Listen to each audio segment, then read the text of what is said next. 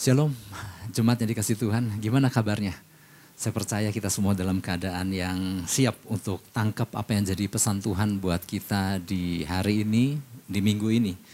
Pesan Tuhannya kali ini agak unik Bapak Ibu Saudara, pesan Tuhannya adalah setelah masa penantian.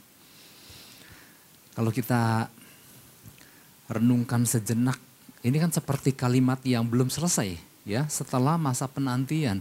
Mestinya kan ada lanjutannya. Nah Bapak Ibu Saudara, kalau kalimatnya berhenti di selesai masa penantian dan kalau kita disuruh melanjutkan kepada sambungannya, kira-kira apa yang yang yang yang yang akan kita teruskan? Kalimat apa selanjutnya yang akan kita teruskan setelah masa penantian? Saya percaya yang terpikir oleh kita setelah masa penantian kita akan melanjutkan adalah datangnya masa penggenapan. Ya kan? Memang normalnya seperti itu. Ya siapa sih yang yang gak mau? Ya setelah sekian lama kita ada dalam masa penantian. Nah nah inilah saatnya uh, aku ngalami masa penggenapan. Nggak salah dengan semuanya itu bapak ibu saudara. Karena memang uh, inti daripada pesan Tuhan ini adalah gini bahwa setelah masa penantian Tuhan juga mau nyatakan ada masa penggenapan tetapi lewat pesan ini juga Tuhan mau kita mau mengajarkan sesuatu sama kita bahwa gini Betul, setelah masa penantian ada masa penggenapan. Tetapi apakah di masa penantian kita sudah benar-benar menantikan apa yang Tuhan janjikan? Sehingga nanti gak lama datangnya masa penggenapan ataukah di dalam masa penantian lewat pesannya ini kita malah berpikir loh selama ini apa ya yang aku sudah yang aku sedang nantikan atau aku apakah aku memang selama ini menantikan sesuatu atau enggak atau juga begini, apakah selama ini aku nantikan janji Tuhan atau keinginan diriku sendiri? Nah ini yang yang lewat pesan ini yang Tuhan mau ajarkan kita sesuatu bahwa di pihak Tuhan, apa yang Tuhan janjikan, Tuhan berkewajiban, Tuhan bertanggung jawab untuk menggenapinya. Tetapi masalahnya ada di pihak kita sebagai orang percaya, apa yang selama ini kita telah nantikan? Apakah janji Tuhan ataukah yang kita nantikan adalah keinginan pribadi kita? Tapi untuk lebih jelasnya mari kita baca satu ayat yang terpampang di depan kejadian 21 ayat 2 ini Bapak Ibu Saudara. Saya mau ajak kita baca bersama-sama satu ayat ini. Oke, satu dua tiga. Kejadian 21 ayat 2 maka mengandunglah Sarah. Lalu ia melahirkan seorang anak laki-laki bagi Abraham dalam masa tuanya pada waktu yang telah ditetapkan sesuai dengan firman Allah kepadanya. Nah Bapak Ibu Saudara, apa yang kita tangkap dari ayat ini? Inilah ayat di masa apa yang Tuhan janjikan kepada Abraham dan Sarah bahwa mereka akan punya keturunan lewat ayat yang barusan kita baca ini bahwa Tuhan telah menggenapkan apa yang ia pernah janjikan kepada Abraham dan Sarah. Artinya Bapak Ibu Saudara, Tuhan gak pernah lalai dengan janjinya. Tuhan gak pernah berdusta seperti yang ada di dalam kitab bilangan. Dia bukan manusia sehingga dia berdusta. Apa yang dia sampaikan, dia bertanggung jawab untuk menggenapinya. Katakan amin. Nah inilah Bapak Ibu Saudara, latar belakang ini adalah kisah di mana akhirnya Sarah mengandung. Akhirnya kemudian Sarah melahirkan seorang anak laki-laki yang bernama Ishak. Setelah melalui masa proses penantian 25 tahun. 25 tahun ini enggak mudah. 25 tahun ini bukan masa yang pendek. 25 tahun ini masa yang panjang. Tapi juga jangan di, jangan diartikan bahwa setiap janji Tuhan itu memiliki durasi penggenapan sampai 25 tahun. Enggak, masing-masing berbeda.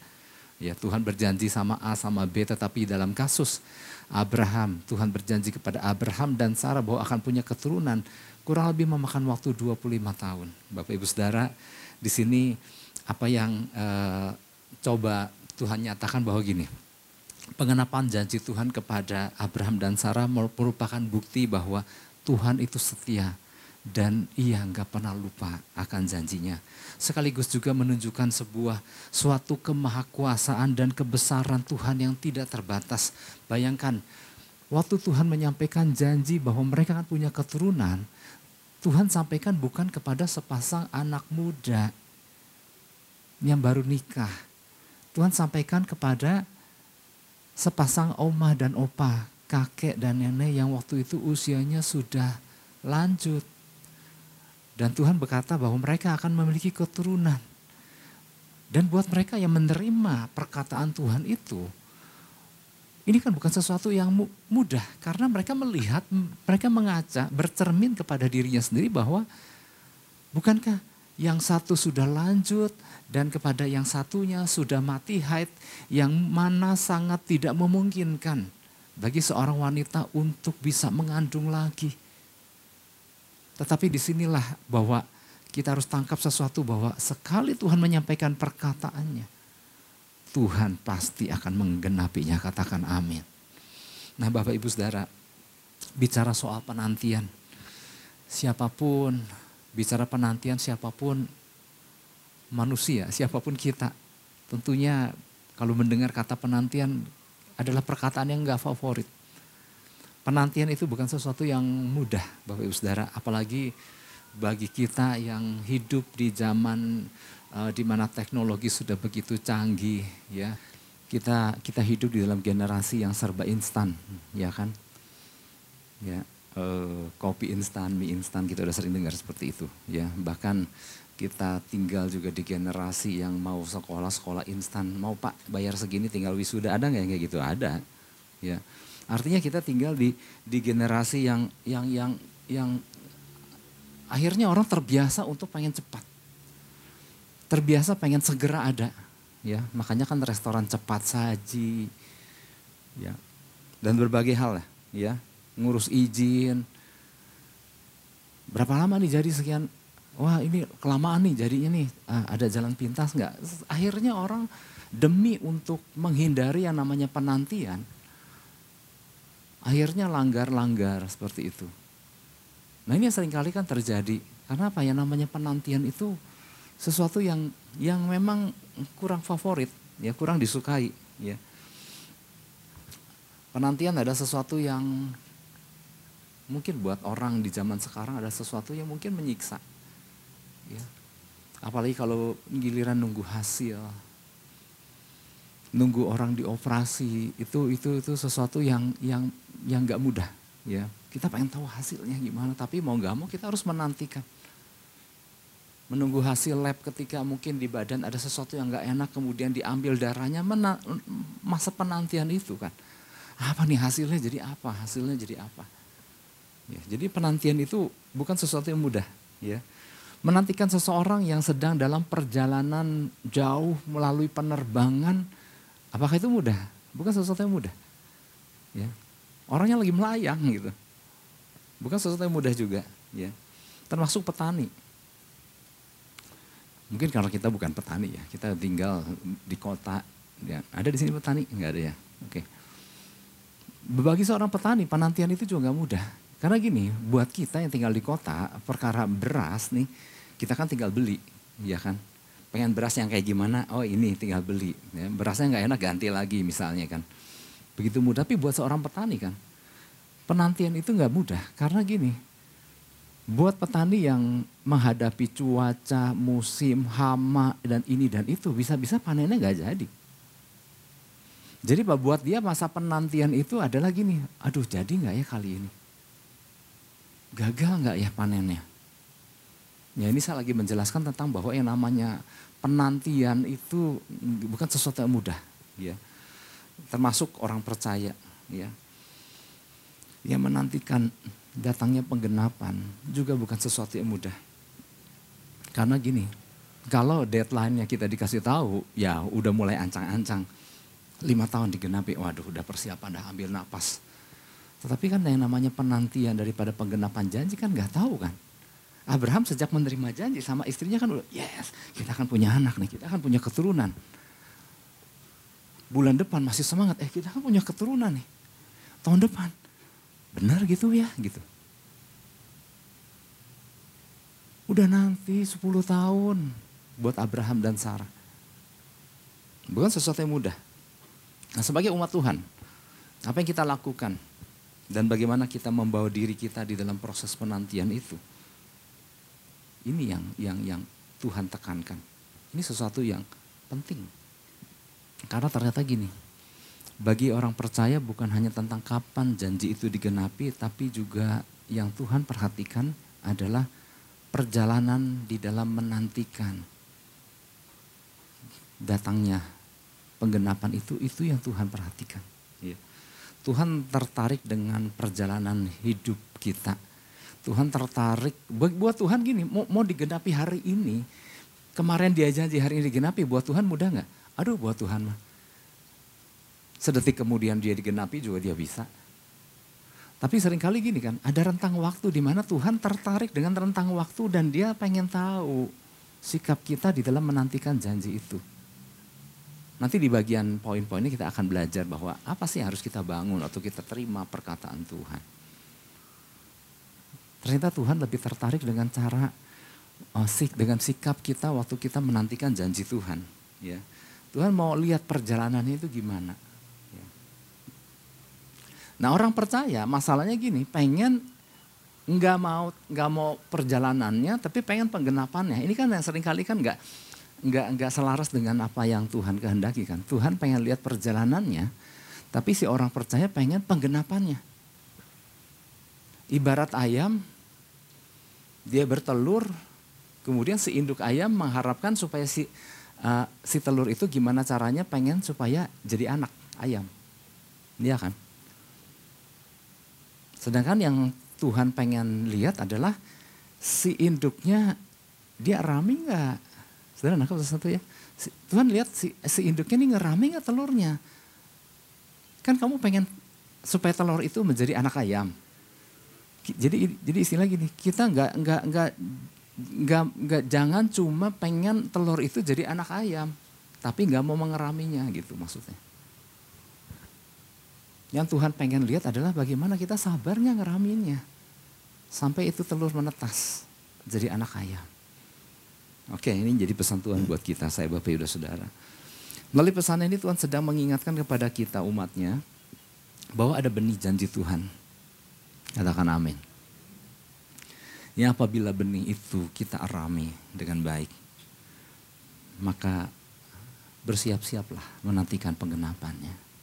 Kembali kepada isi judulnya setelah masa penantian, sebetulnya gini, nikmatilah penggenapannya. Tetapi di dalam masa penantian, Nah ini yang yang yang yang lewat pesan ini Tuhan ingatkan. Apakah kita sudah mengeraminya atau belum? Saya mau katakan gini, kalau kalau Bapak Ibu Saudara sudah mengeraminya, puji Tuhan siap-siap aja gitu. Tetapi ini kan sering kali menjadi eh, kita diingatkan kembali, oh iya lupa ngeramin. Kadang-kadang ingat gak, pernah kan Tuhan kasih janji, pesan, Tuhan kasih pesan satu dua tahun yang lalu lah. Bahwa pesannya adalah gini, tentang Abraham juga. Hari ini tahun depan engkau akan melahirkan anak. Itu kan perkataan Tuhan kepada Sarah. Hari ini tahun depan kau akan punya anak. Hal yang sama yang waktu itu Tuhan mau lakukan adalah hal yang sama. Ada rentang waktu yang siap-siap akan ada terjadi penggenapan. Dan kemudian ketika datang pesan itu, berapa banyak orang, aduh janji apa ya Pak ya? Janji apa ya? Apakah ada yang menerima? Ada. Dan ada yang ngitung persis hari ini tahun depan artinya sejak Tuhan mengatakan engkau akan mengandung. Sembilan bulan kemudian penggenapan, penggenapan itu terjadi. Kenapa? Itu perkataan Tuhan. Nah sekarang yang sama nih mirip nih pesannya. Setelah masa penantian. Tentunya pasti akan ada penggenapan. Nah cuman kapan penggenapannya nih bisa langsung ya kan. Karena kalau udah dirami. Tetapi kita diingatkan oh iya harus dirami Nah kemudian pertanyaannya apa yang harus dierami? Ya kan?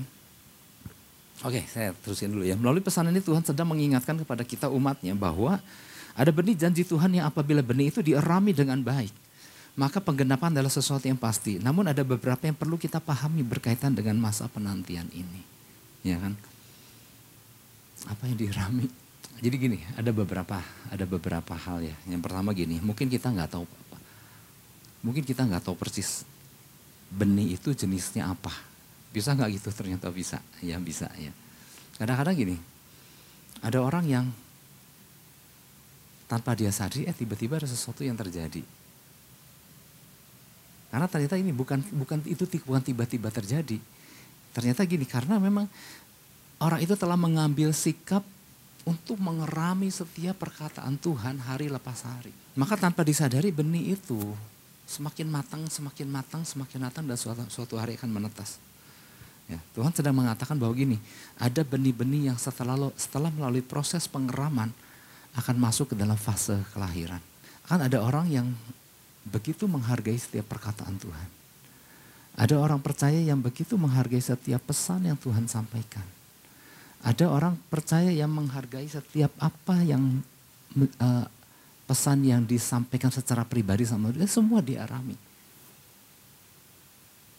Tapi ada juga kan orang percaya yang lewat, lewat, lewat begitu aja. Atau gini, mungkin kita sudah tahu benihnya apa. Artinya Tuhan secara spesifik menyampaikan kepada kita suatu hari akan dipercayakan sesuatu. Nah jenisnya memang bisa berbeda. Ya Entahkah posisi, entahkah tanggung jawab yang besar atau apa pun.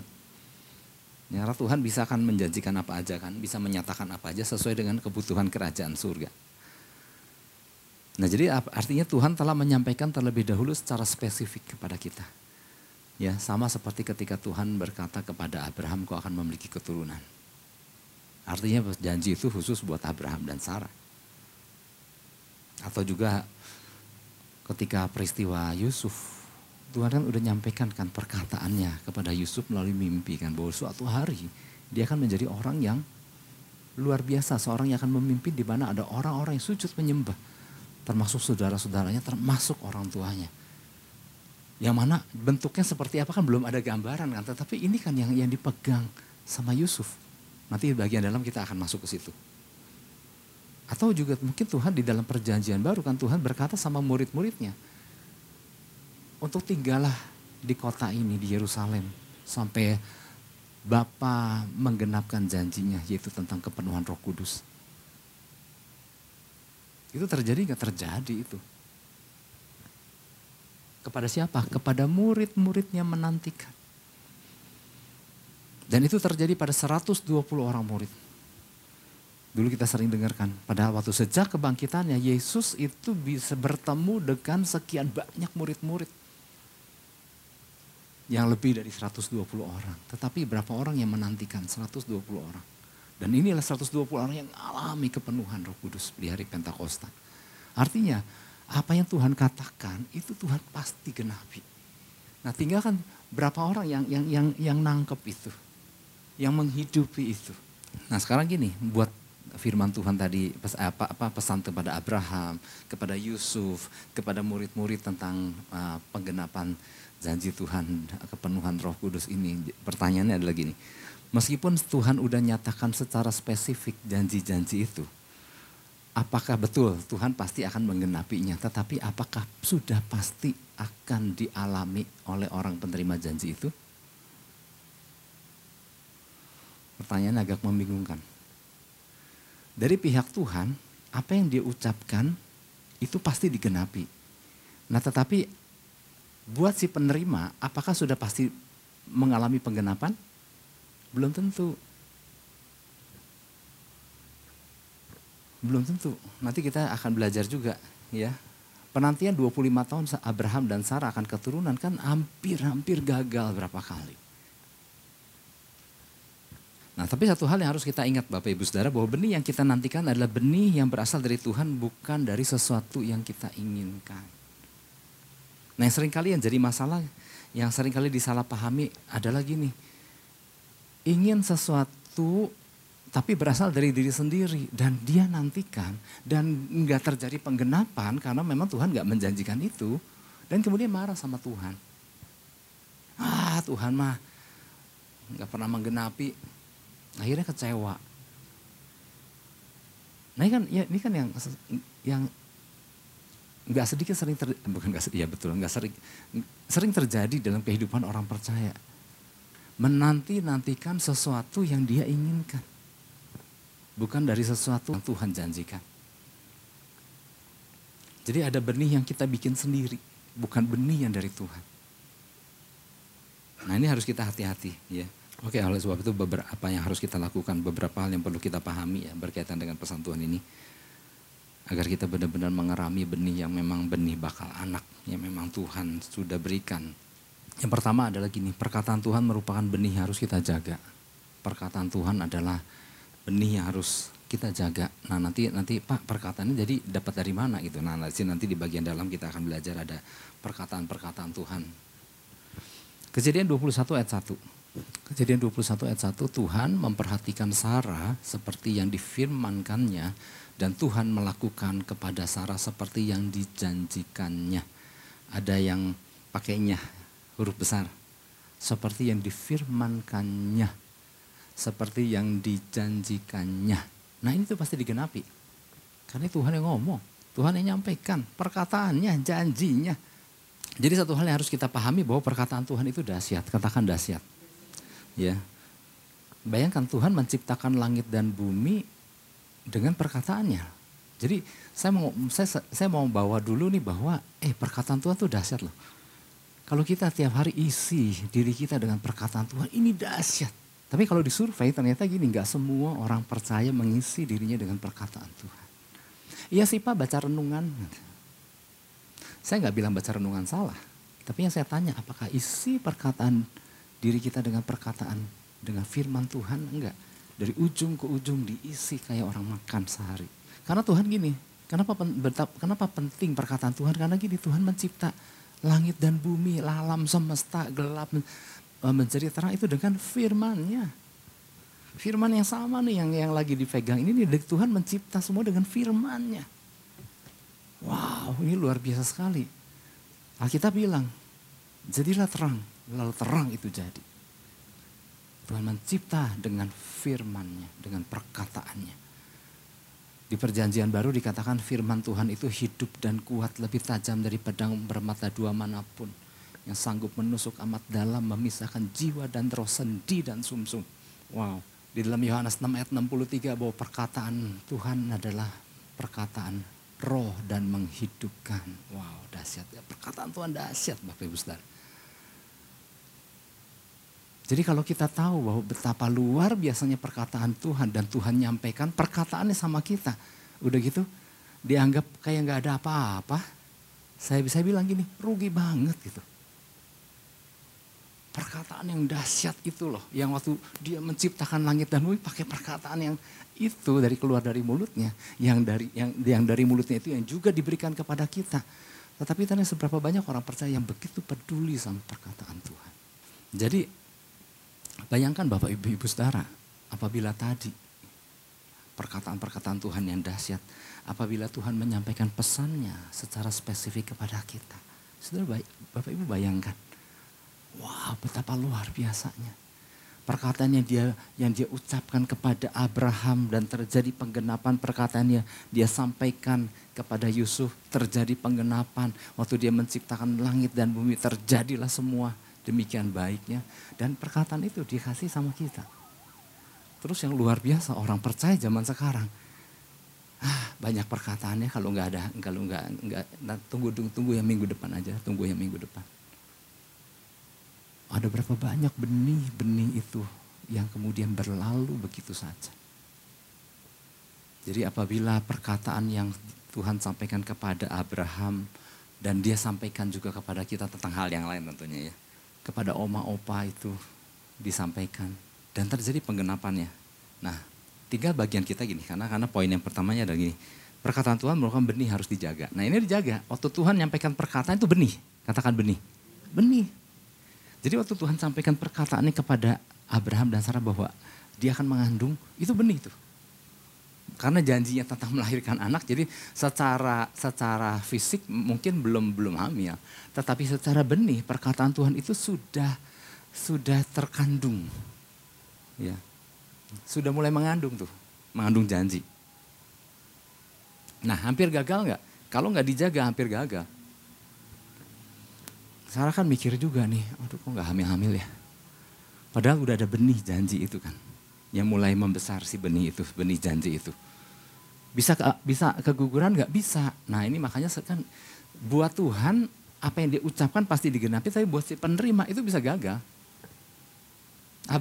Sarah hampir gagal kan, dia mikir kan gini kan, logikanya bilang, kayaknya kayaknya aku nggak mungkin hamil punya dah. Aku akan kasih sama pembantuku aja, sama hambaku. Nah makanya diperkenalkanlah si hambanya kepada Abraham, tolong benih benih benih Abrahamnya kasih ke pembantunya itu. Kan hampir nggak terjadi kan, karena dia berpikir gini, yang namanya keturunan Abraham kan nggak selalu dari induk yang dia gitu, bisa dari induk yang lain. Tahu kan disebutnya pasti keturunan Abraham juga. Hampir-hampir itu gagal. Dan Abraham juga pernah juga hampir gagal, karena gini, dia pikir gini, usiaku semakin tua, kelihatannya menjadi ahli waris keturunanku adalah Eliezer. Abraham sempat terpikir gitu. Jadi kandungan benih janji itu hampir gagal. Kemudian Tuhan menegaskan lagi, enggak. Keturunanmu akan seperti bintang di langit dan pasir di pantai. Dan yang menjadi induknya adalah Sarah istrimu. Oh ini perjalanan di 25 tahun ini enggak mudah Bapak Ibu Saudara. Dan bahkan sempat yang yang ketawa waktu Tuhan menyatakan janjinya, ketawa kan bukan Sarah aja, Abraham sempat ketawa. Dan kita tahu, saya pernah kita pernah pernah belajar tentang itu bahwa kata-kata ketawa itu artinya lagi mengolok-olok gini. Ah, enggak mau masa sih gitu. Nah kayak seperti itu. Waktu Tuhan menyatakan bahwa Sarah akan melahirkan anak, Sarah, Sarah kan juga sempat ketawa kan, mentertawakan perkataan Tuhan. Jadi artinya gini, kalau nggak dijaga, kalau nggak diingatkan lagi sama Tuhan, kalau nggak Tuhan teguhkan lagi dengan berbagai cara, gugur itu benih, benih, benih janji itu. Nah Tuhan pun bisa menaruh perkataannya kepada saya, Bapak, Ibu, dan Saudara. Prinsipnya, prinsipnya sama, bahwa perkataan yang Tuhan berikan adalah benih. ya Suatu benih yang berisi janji Tuhan. Nah sekarang pertanyaannya kan terlewatkan pasti, bukan pasti ya mungkin ada dari antara kita yang bertanya, Pak tapi benih perkataan itu datang dari mana? Nah Tuhan, Tuhan ini orangnya, Tuhan pribadinya itu nggak pelit. Ya. Kita bisa mendapatkan, Tuhan bisa memberikan secara khusus kepada kita melalui jalinan hubungan yang kita, hubungan yang kita bangun sama Tuhan. Percayalah, Bapak Ibu Saudara bangun hubungan sama Tuhan, Tuhan banyak nyatakan. Tuhan banyak sampaikan perkataannya. Itu benih Ya betapa betapa gini hubungan yang kita jalin bersama Tuhan itu luar biasa. Ya selain kita beroleh kekuatan waktu kita datang ke hadiratnya. Waktu kita menanti-nantikan Tuhan, Tuhan menyatakan perkataannya itu benih. Dan Tuhan gak pernah pelit. Melimpah. Nah kemudian itu lewat satu cara. Cara yang lain Tuhan bisa memberikan kepada kita secara korporat. Tuhan berikan pesannya untuk disampaikan kepada umatnya. Ya. Pesan yang Tuhan berikan adalah untuk setiap kita, saya Bapak Ibu dan Saudara di sini. Ya, jadi Tuhan memberikannya secara korporat. Meskipun pesan itu disampaikan secara korporat, tapi mungkin belum tentu ditangkap secara korporat. Ya. Karena setiap orang memiliki gini, memiliki daya tangkap yang berbeda, memiliki daya cerna yang berbeda, memiliki iman yang berbeda, memiliki kesiapan untuk menerima perkataan Tuhan yang berbeda. Oh ya, faktor-faktor ini turut menentukan. Jadi mungkin saya mungkin seperti sekarang nih, saya nyampaikan pesan Tuhan kepada sejumlah besar orang. Apakah semua serempak menangkapnya bersama-sama? Nah kalau nggak diingati lewat pesan ini, sering kali kita terlena. Pesan disampaikan, benih yang luar biasa disampaikan. Tetapi ada yang cuman hiburan, lewat. Tapi ada juga yang nangkap. Karena gini, daya cerna, daya tangkap, iman seseorang dan kesiapan. Ada orang yang datang mungkin, aku sebenarnya nggak mau datang, tapi aku disuruh datang gitu ya. Nah datang artinya dia apa? Datang tanpa kesiapan. Sedangkan ingat nggak waktu Rasul Paulus menulis suratnya kepada Timotius, ini sering kita bahas, latihlah dirimu beribadah. Nah, waktu kita datang beribadah, kita harus datang dengan sebuah kesiapan sama seperti waktu kita datang ke gym, Ke gym ke tempat olahraga maksudnya. Untuk ngapain sih di sana? Kalau kita datang udah pakai sepatu olahraga, udah bawa baju olahraga, udah bawa tas, bawa anduk, bawa air, ya nggak mau ngapain ke sana? Kalau bukan dengan kesiapan mau berolahraga karena ada bagian tubuh yang harus aku bangun.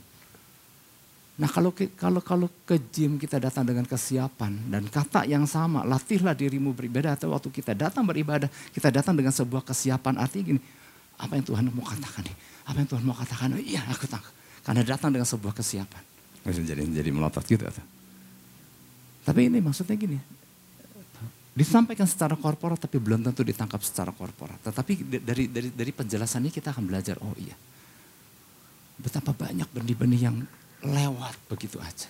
Kalau nggak kita tangkap. Atau juga gini, Tuhan bisa memberikan kepada kita perkataannya secara perorangan. Misalnya lewat nubuatan. Ini yang sudah teruji tentunya. Ya pesan yang disampaikan uh, secara korporat pun sebetulnya itu jenisnya jenis nubuatan tapi disampaikan melalui pengajaran. Tapi ada juga yang nubuatan secara langsung yang belum yang yang yang yang yang mungkin pernyataan yang perlu di ya ini kan udah dituangkan ke dalam sebuah pengajaran supaya gampang menerimanya. Ya bisa di, bisa disampaikan secara perolah melalui dua nubuatan secara khusus ya. Seperti perkataan Tuhan yang secara mungkin spontan disampaikan oleh seorang pembicara kepada pada jemaat yang mendengarkan secara pribadi bisa nggak bisa? Seperti yang saya pernah, pernah alami. Ini saya pernah, saya pernah cerita ya, seperti yang saya pernah alami. Ketika pengkhotbah naik ke mimbar, belum sempat khotbah, engkau di sana. Engkau yang pakai jas biru. Tuhan katakan engkau akan jadi seorang hamba Tuhan. Wow. Dan yang nerimanya kan dalam keadaan gak siap kan. Ya masa aku jadi hamba Tuhan sih? Ya benar aja aku jadi hamba Tuhan. Aku gak mau. Tetapi kemudian itu yang terus terngiang ya bakal jadi hamba Tuhan ya bakal jadi hamba Tuhan ya. Bakal jadi hamba Tuhan bakal jadi hamba Tuhan. Dan kemudian tanpa disadari ya bukan tanpa disadari ya di antara disadari dan tidak sadari saya mulai pengen tahu lebih lagi. Tanpa disadari saya sedang mengerami. Itu itu salah satu contoh ya jadi Tuhan bisa nyampaikan dengan cara seperti itu ya dan Tuhan juga terus selanjutnya gini, Tuhan bisa menyampaikan kepada kita melalui sarana-sarana yang lain. Misalnya mimpi kayak Yusuf. Mimpi yang ilahi loh ya, bukan mimpi bunga tidur yang habis nonton sinetron tiba-tiba jadi aneh mimpinya. Nah Tuhan bisa sampaikan? Bisa lewat itu. Seperti yang diterima oleh Yusuf. Dan itu benih semuanya. Ya. Nah jadi berbagai cara Tuhan sampaikan perkataannya kepada kita umatnya ini ya itu merupakan sebuah benih awal yang harus kita mulai jaga dan rawat. Ya karena benih itu bisa gugur kalau nggak kita jaga. Bukan si benih itu lemah tetapi si ta, si penerimanya ini jangan sampai kandungannya lemah. Makanya kan firman Tuhan kan di dalam perjanjian baru kan di di di, di beberapa Injil ya di situ dikatakan bahwa uh, firman itu bagikan benih ya. Cuman akhir jangan jangan jangan jangan sampai jatuh di pinggir jalan. Ya, jangan sampai jatuh di tanah berbatu. Jangan sampai jatuh di semak belukar. Tapi harus jatuh di tanah yang subur. Karena gini, sehebat apa pun firman itu, kalau kita biarin, dibiarkan di semak belukar, di tanah yang berbatu-batu, akhirnya terhimpit. Dan firman itu nggak jadi perkataan itu. Harus ditabur di tanah yang baik ya. Jadi perkataan Tuhan itu benih ya. Benih nggak bisa tumbuh di sembarang tempat. Ada punya pegang benih ya kayak kayak di ini aja di di, di, di SD lah ya. Dikasih biji apa sih? Kedelai apa kacang hijau? Kacang hijau ya kacang hijau. Taruhlah kacang hijau itu di atas meja dan nantikan sampai dia bertunas. Nggak sampai kapan pun nggak akan bertunas Makanya dulu diajarin kan taruh di atas kapas, diairi, taruh itu, terus sirami. Kemudian muncul bertunasnya itu. Jadi toge dah. Ya. Itu baru satu. Coba kalau banyak kacang hijau, akhirnya jadi toge kan. Akhirnya jadi dicah jadi toge. Enggak saya enggak mencoba menyampaikan itu tapi tapi si benih itu kalau benih itu enggak akan jadi di tempat yang sembarangan. Sebenarnya gini, oke, okay, si benih itu Bapak Ibu Saudara, untuk memperjelas saya pakai cerita Yusuf. Ini waktu Yusuf terima mimpi itu, mimpi yang ilahi itu kan, ini Yusuf tuh mulai mengandung. Yusuf tuh mulai mengandung. Hampir-hampir gugur nggak? Hampir gugur, ya. Ketika dilempar ke sama kakak-kakaknya ke sumur kering, dia bilang, kok aku jadi diperlakukan seperti itu sih? Kok mereka begitu jahat sama aku? Ya, tetapi kemudian ada yang nolongin kakaknya dijual ke ke, ke pedagang median. Dia tuh lagi lagi lagi lagi dalam Yusuf dalam keadaan mengandung. Ya kita udah ngerti ya dalam keadaan mengandung. Ada benih janji melalui mimpi. Hari lepas hari itu kandungan semakin besar, semakin besar. Singkat cerita dibeli sama Potifar, kemudian jadi pembantu, kemudian ditaksir sama istri Potifar. Ini sebetulnya kan bisa gugur kalau Yusuf menerima ajakan tidur Potifar. Udah gugur nih, benihnya langsung hilang.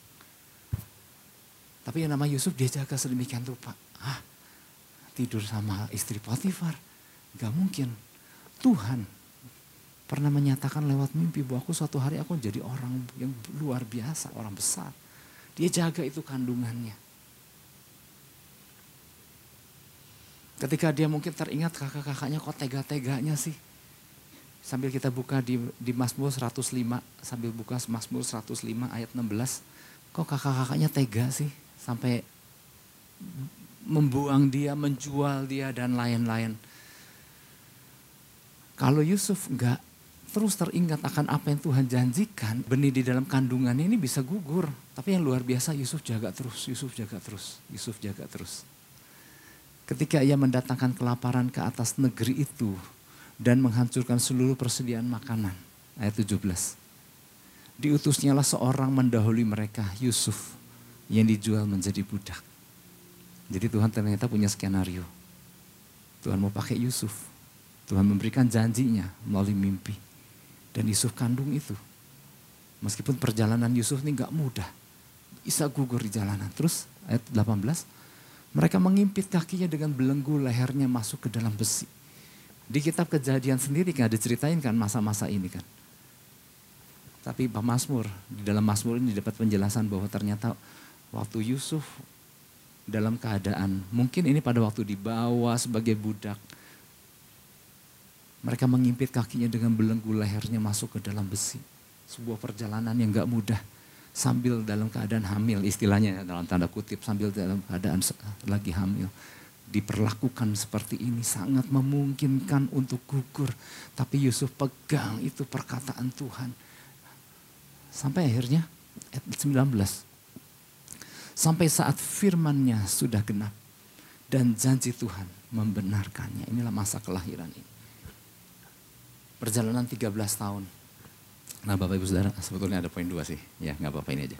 Mari kita tangkap sama-sama pesan Tuhan ini bahwa seandainya selama ini kita sudah menerima pesan Tuhan dan kita sudah mengeraminya, menjaganya dan merawatnya, maka ketika pesan ini disampaikan, ya setelah masa penantian, saya mau katakan selamat menikmati. Tapi ternyata waktu kita disadarkan lewat pesan ini, oh iya, ada yang harus dirahami ya. Oke, selanjutnya rami. Ya. Karena apa yang Tuhan sampaikan itu pasti digenapi dan Tuhan gak pernah dusta dengan janjinya. Bagian kita adalah jaga baik-baik itu benih, itu kandungan itu makin besar. Karena gini, pada saatnya tadi dikatakan Mazmur 105 ayat 19. Karena ada pada saatnya, ada masa kelahirannya. Pada sampai saat firman Tuhan sudah genap sampai si benih itu udah mateng. Si janin itu udah siap sembilan bulan istilahnya kalau manusia. Pasti dia akan melahirkan sesuatu yang luar biasa. Oleh sebab itu salah satu yang inti daripada pesan Tuhan ini adalah hargai setiap perkataan-perkataan Tuhan. Itu benih, rawat, jaga, lindungi. Karena ada masanya itu akan matang dan siapa yang menikmatinya? Setiap kita sendiri menikmatinya. Katakan amin. Kita beri tepuk tangan buat Tuhan Yesus. Haleluya.